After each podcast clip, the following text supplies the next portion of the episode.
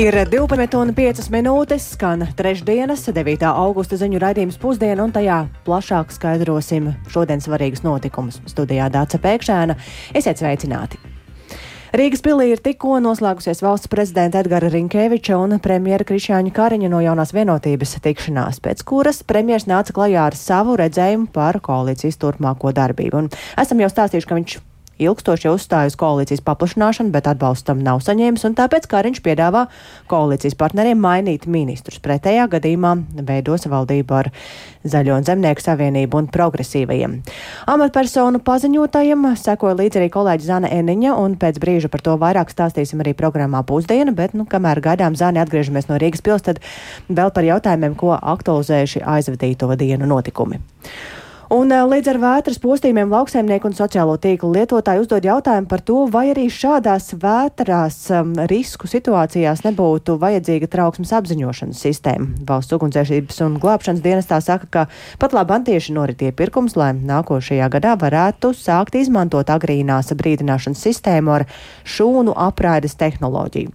Un eh, par to vairāk valsts ugunsdzēsības un glābšanas dienestā ir eh, vaicājusi Sintija Ambote, un šobrīd viņa līdzās studijā. Sveika, Sintija, un saki, kas šī īsti ir par sistēmu, un vai to varētu izmantot arī šādās vētras situācijās? Sveika, Dācis, sveicināti radio klausītāji. Jā, šūna apraides paziņojums ir līdzīgs izziņai, bet tas tātad darbojas izmantojot citu sakaru kanālu, un visi mobilo sakaru operatori un arī tāruņu modeļi šo risinājumu atbalstot. To brīdinājumu varētu aizsūtīt gan mobilo sakaru lietotājiem visā Latvijā, vai arī mērķēt to paziņojumu uz ļoti konkrētu apdraudējumu vietu. Valsts ugunsdzēsības un glābšanas dienesta vadītāja vietnieks eh, Ivars Nākurts skaidro, ka ieviešot šo efektīvāko apziņošanas rīku, cilvēks operatīvi varēs brīdināt arī par eh, laika apstākļu riskiem, tostarp vētrām. Varam paklausīties viņa teikto. Tā doma ir, ka šo paziņojumu var aizsūtīt uz geogrāfisko apgabalu, kuru iespējams ir apdraudējums, arī norādot, kas ir par apdraudējumu, kāda ir iespējamā, ja nepieciešamā rīcība. Šī rīka ieviešanai 21. gadā valdība atbalstīja šo virzienu 22. gadā praktiski mums ir piešķirts šis Eiropas Savienības finansējums, un šobrīd notiek arī iepirkumā procedūra, vai šādu risinājumu ievies Latvijā. Nu, cerams, ja viss iet gludi ar iepirkumiem, tad mēs ceram, ka 2024. gadā vasarā varētu šādu rīku jau ieviest Latvijā. Tad jūs teicāt, tas pirmajā gadā atbalstījat šobrīd tad iepirkums, jā, kā ir, kāpēc jā. tas ir viss tikai tagad notiek, kā jūs vērtējat, tas ir kaut kāds arī drošības prioritātes valstī jautājums, politiskās gribas un finansējuma jautājums, mm. nu tieši vētru arī tādu iespējamību kontekstā, jā. vai, nu jā, kāpēc tikai tagad tas to? Ja godīgi mēs to sākām, nu, teiksim, kā glābšanas dienas šo jautājumu jau cēlām 2014. gadā. Lietuva bija, teiksim tā, Baltijas valstīs pionieris, kurš jau to ieviesa, bet, nu, vienmēr, kā saka, cīņa iekšlietu jomā noteikti bija cīņa par dažādu veidu prioritātēm, finanšu līdzekļu pieejamība. Nu jā, bet cilvēki sociālajos tīklos pēc šīs vētras gan uh, uzdeva jautājumus arī, kāpēc jau šobrīd nevarētu izmantot apziņošanu ar izziņām un runājot par esošo situāciju, tad Vūgda šobrīd ekstrēmu laika apstākļu gadījumā izmanto uh, pastiprinātus paziņojumus plašsaziņas līdzekļos, bet uh, nepielieto agrīnu brīdināšanu izsūtot iedzīvotājiem SMS, jo konkrētās uh, vētras postījuma vietas iepriekš pietiekami laicīgi un precīzi nevar prognozēt, proti izziņu izsūtīšanu šādos gadījumos būtu pārlieku lēna, un tas laika gaitā iedzīvotājiem liktu zaudēt arī uzticamību šiem paziņojumiem. Varam paklausīties viņa teiktajā. Šī apziņošana ar SMS ir salīdzinoši lēna. Nu, teiksim tā, lai viens operators nosūtītu saviem klientiem, tikai saviem klientiem šo apziņošanas informāciju, nu, savlaicīgi varētu prasīt vairāk kā 6 stundas. Tas ir labākais gadījums, bet citi operatori, teiksim, ar viņu veiktspēju vai kapacitātā, tā ziņa var atnākt, nezinu, 8 vai 10 vai pat 12 stundu laikā. Nu, tā doma drīzāk mēs negribam arī nosūtīt apziņošanu, apziņošanas informāciju, kuru pēc būtības sabiedrība varētu uztvert vai neticēt, kad, piemēram, neizpildās šie nosacījumi. Tad, redz, jūs atsūtījāt, bet mēs īsti nenotika tā, kā jūs it kā prognozējāt. Nu jā, bet šeit vēl noteikti bilstams, ka arī nākotnē ir skaidrs, ka ne visur, kur cilvēki saņem brīdinājumu telefonos, stihija uzreiz ierodas. Tur jābūt arī sabiedrības izpratnē, proti, ka šādus brīdinājumus nevajag uztvert kā maldinošus, ja nebūs stihija tiešām konkrētajā vietā, jo tas ir brīdinājums. Un uh, VUGD arī jau šobrīd pēc šīs vētras pieredzes aicina iedzīvotājus pastiprināti tomēr ieklausīties arī laika ziņu brīdinājumos vai paziņojumos dienestu sociālo tīklu kontos.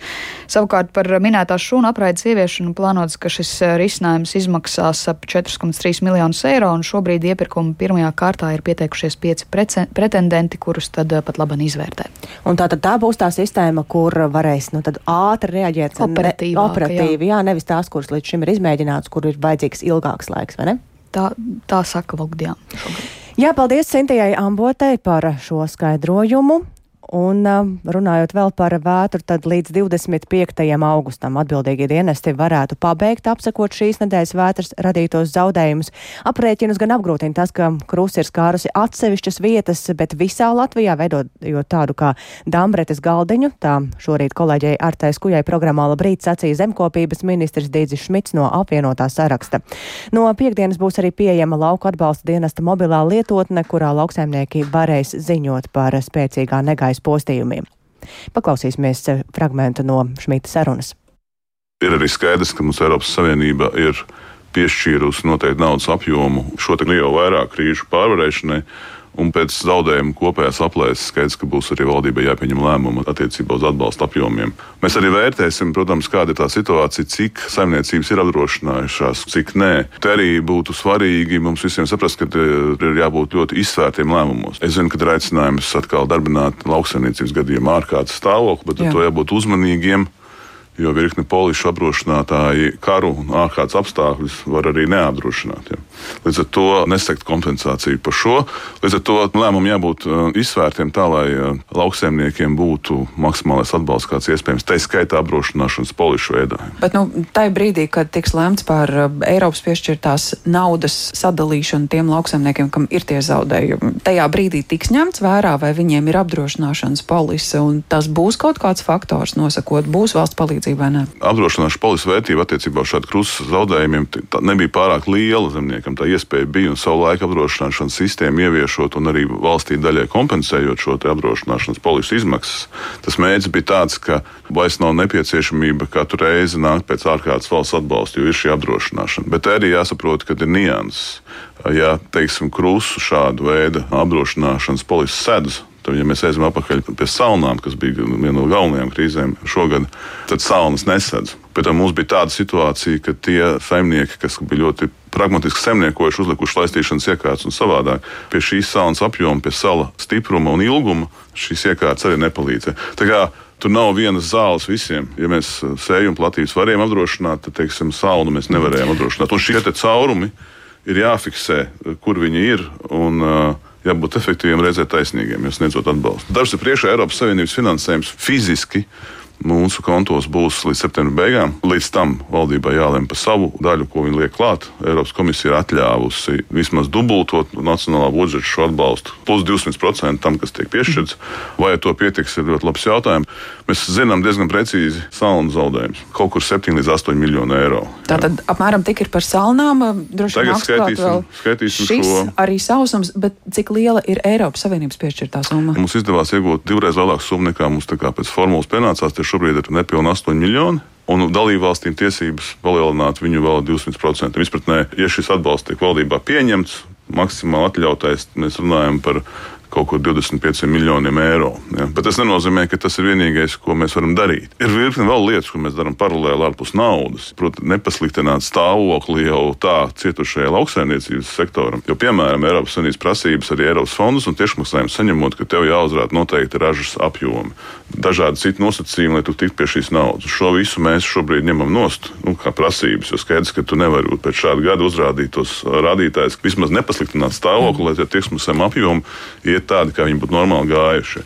Tie lēmumi pieņemt, tur komisija par to ir informēta. Komisija droši vien būs kaut kāda nobīde par šo lēmumu, bet es esmu pilnīgi pārliecināts, ka mums ir absolūts pierādījumu apjoms un krīzes pierādījums, lai šāda veida arī atbalsts tiktu skaņot.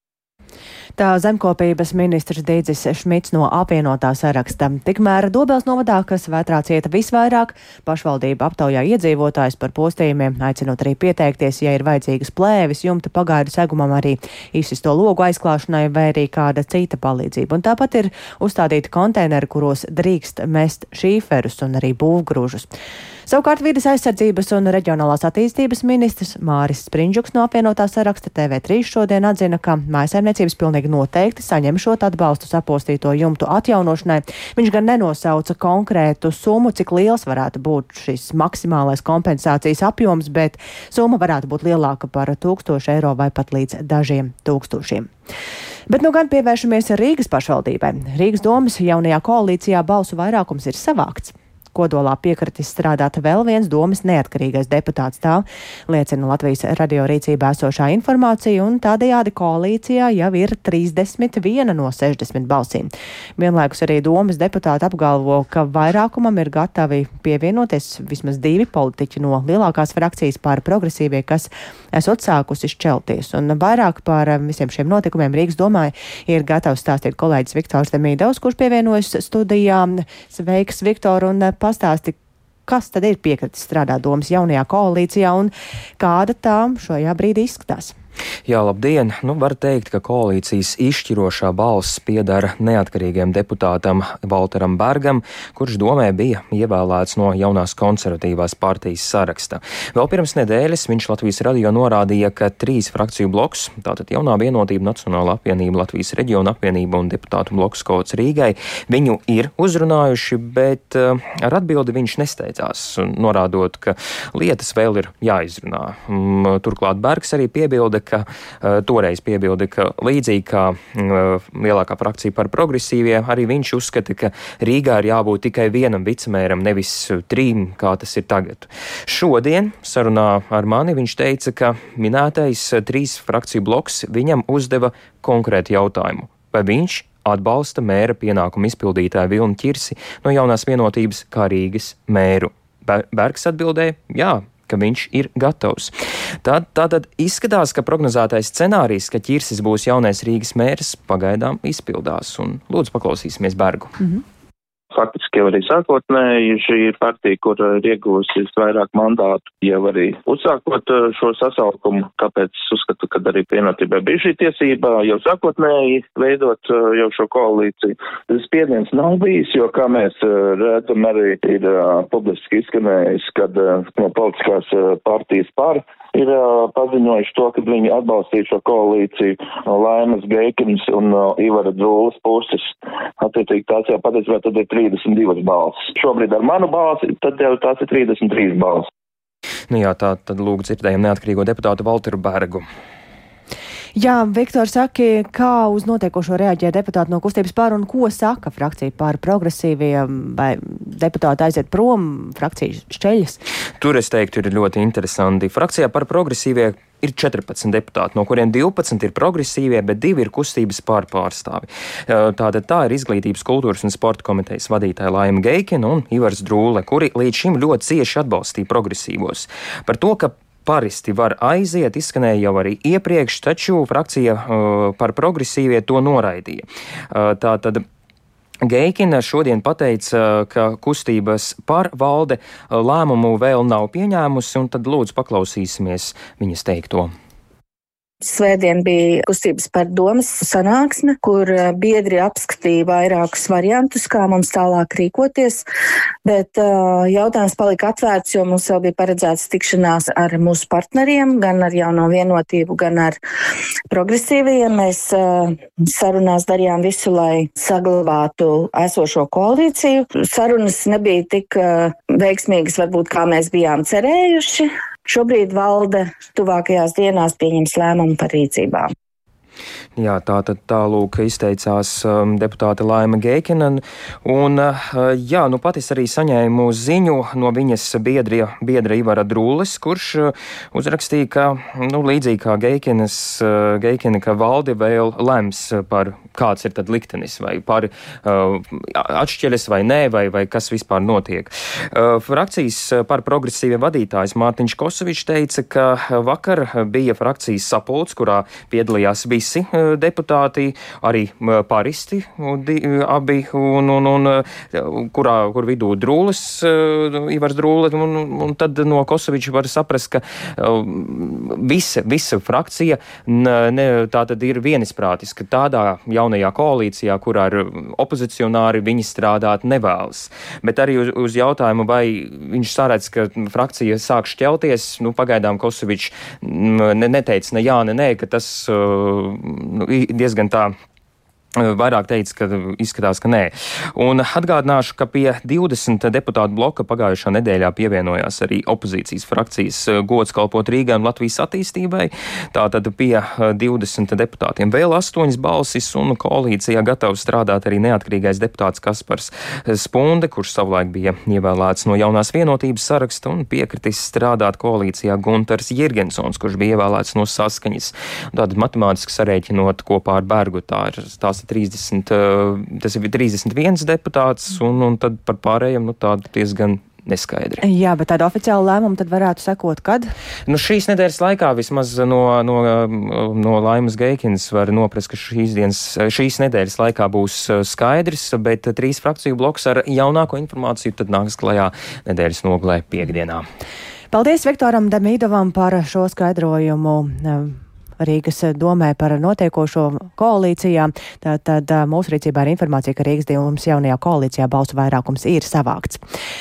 Un eh, šodien aprit arī trīs gadi kopš 2020. gada 9. augustā notikušajām Baltkrievijas prezidenta vēlēšanām, kuru rezultātus masveidā viltoja, lai pārliecinošu uzvaru iegūtu ilgadējais valsts autoritārais vadītājs Aleksandrs Lukašenko. Tam sekoja valstī nepieredzēti plaši protesti, kurus Lukašenko režīms apspieda īpaši nežēlīgi.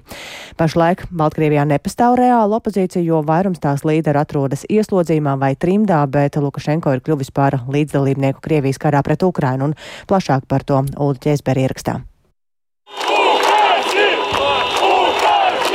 2020. gada 9. augusta vakarā Baltkrievijas galvaspilsētas Minskas ielās izgāja desmitiem tūkstošiem cilvēku, lai protestētu pret tolaik jau 26 gadus valdījušā Aleksandra Lukašenko viltus uzvaru todien notikušajās vēlēšanās. Viņi bija pārliecināti, ka patiesā vēlēšana uzvarētāja ir opozīcijas izvirzītā Sjatlana Cihanovska. Varas iestādes pret pārsvarā miermīlīgajiem protestētājiem vērsās ar brutālu spēku, smagi piekaujot un arestējot simtiem demonstrantu. Neraugoties uz uz režīma nežēlību protesti pret vēlēšanu viltošanu turpinājās vēl vairākus mēnešus, tomēr Lukašenko galu galā tos izdevās apspiest. Vairāki opozīcijas līderi, piemēram, Marija Koļesņikova, nonāca cietumā, bet Lukašenko vēlēšanu oponente Cihanovska bija spiesta pamest valsti pēc tam, kad režīms viņai izteica draudus. Trīs gadus pēc viltotajām prezidenta vēlēšanām un plašajiem protestiem Baltkrievijā faktiski ir iznīdēta jebkāda opozīcija, jo pat tie, kuri neatbalsta Lukašenko, neatļaujas publiski publiski kritizēt varu, bailēs zaudēt darbu vai nonākt aiz restēm. Saskaņā ar cilvēktiesību centra Vjasna aplēsnēm pašlaik Baltkrievijā ir 1494 politieslodzītie, bet pret vēl vairākiem tūkstošiem cilvēku ir uzsākti krimināli procesi par dalību 2020. gada protestos. Pieminot 2020. gada notikumus, Cihanovska šodien izplatīja video paziņojumu, kurā viņa uzsvēra, ka pirms trīs gadiem Baltkrievu tauta izvēlējās demokrātiju, neatkarību un brīvību, taču viņu izvēli no nozaga. Cihanovska sacīja, ka Baltkrievi nav padavušies.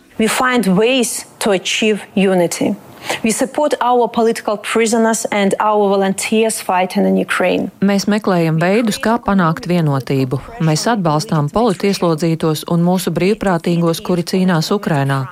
Mēs radām ekonomisko un politisko spiedienu uz nelegālo režīmu. Mēs to sakaujam diplomātiskajā frontē. Mēs sagatavojam augsni, lai režīma amatpersonas varētu tikt sauktas pie atbildības par viņu pastrādātajiem noziegumiem.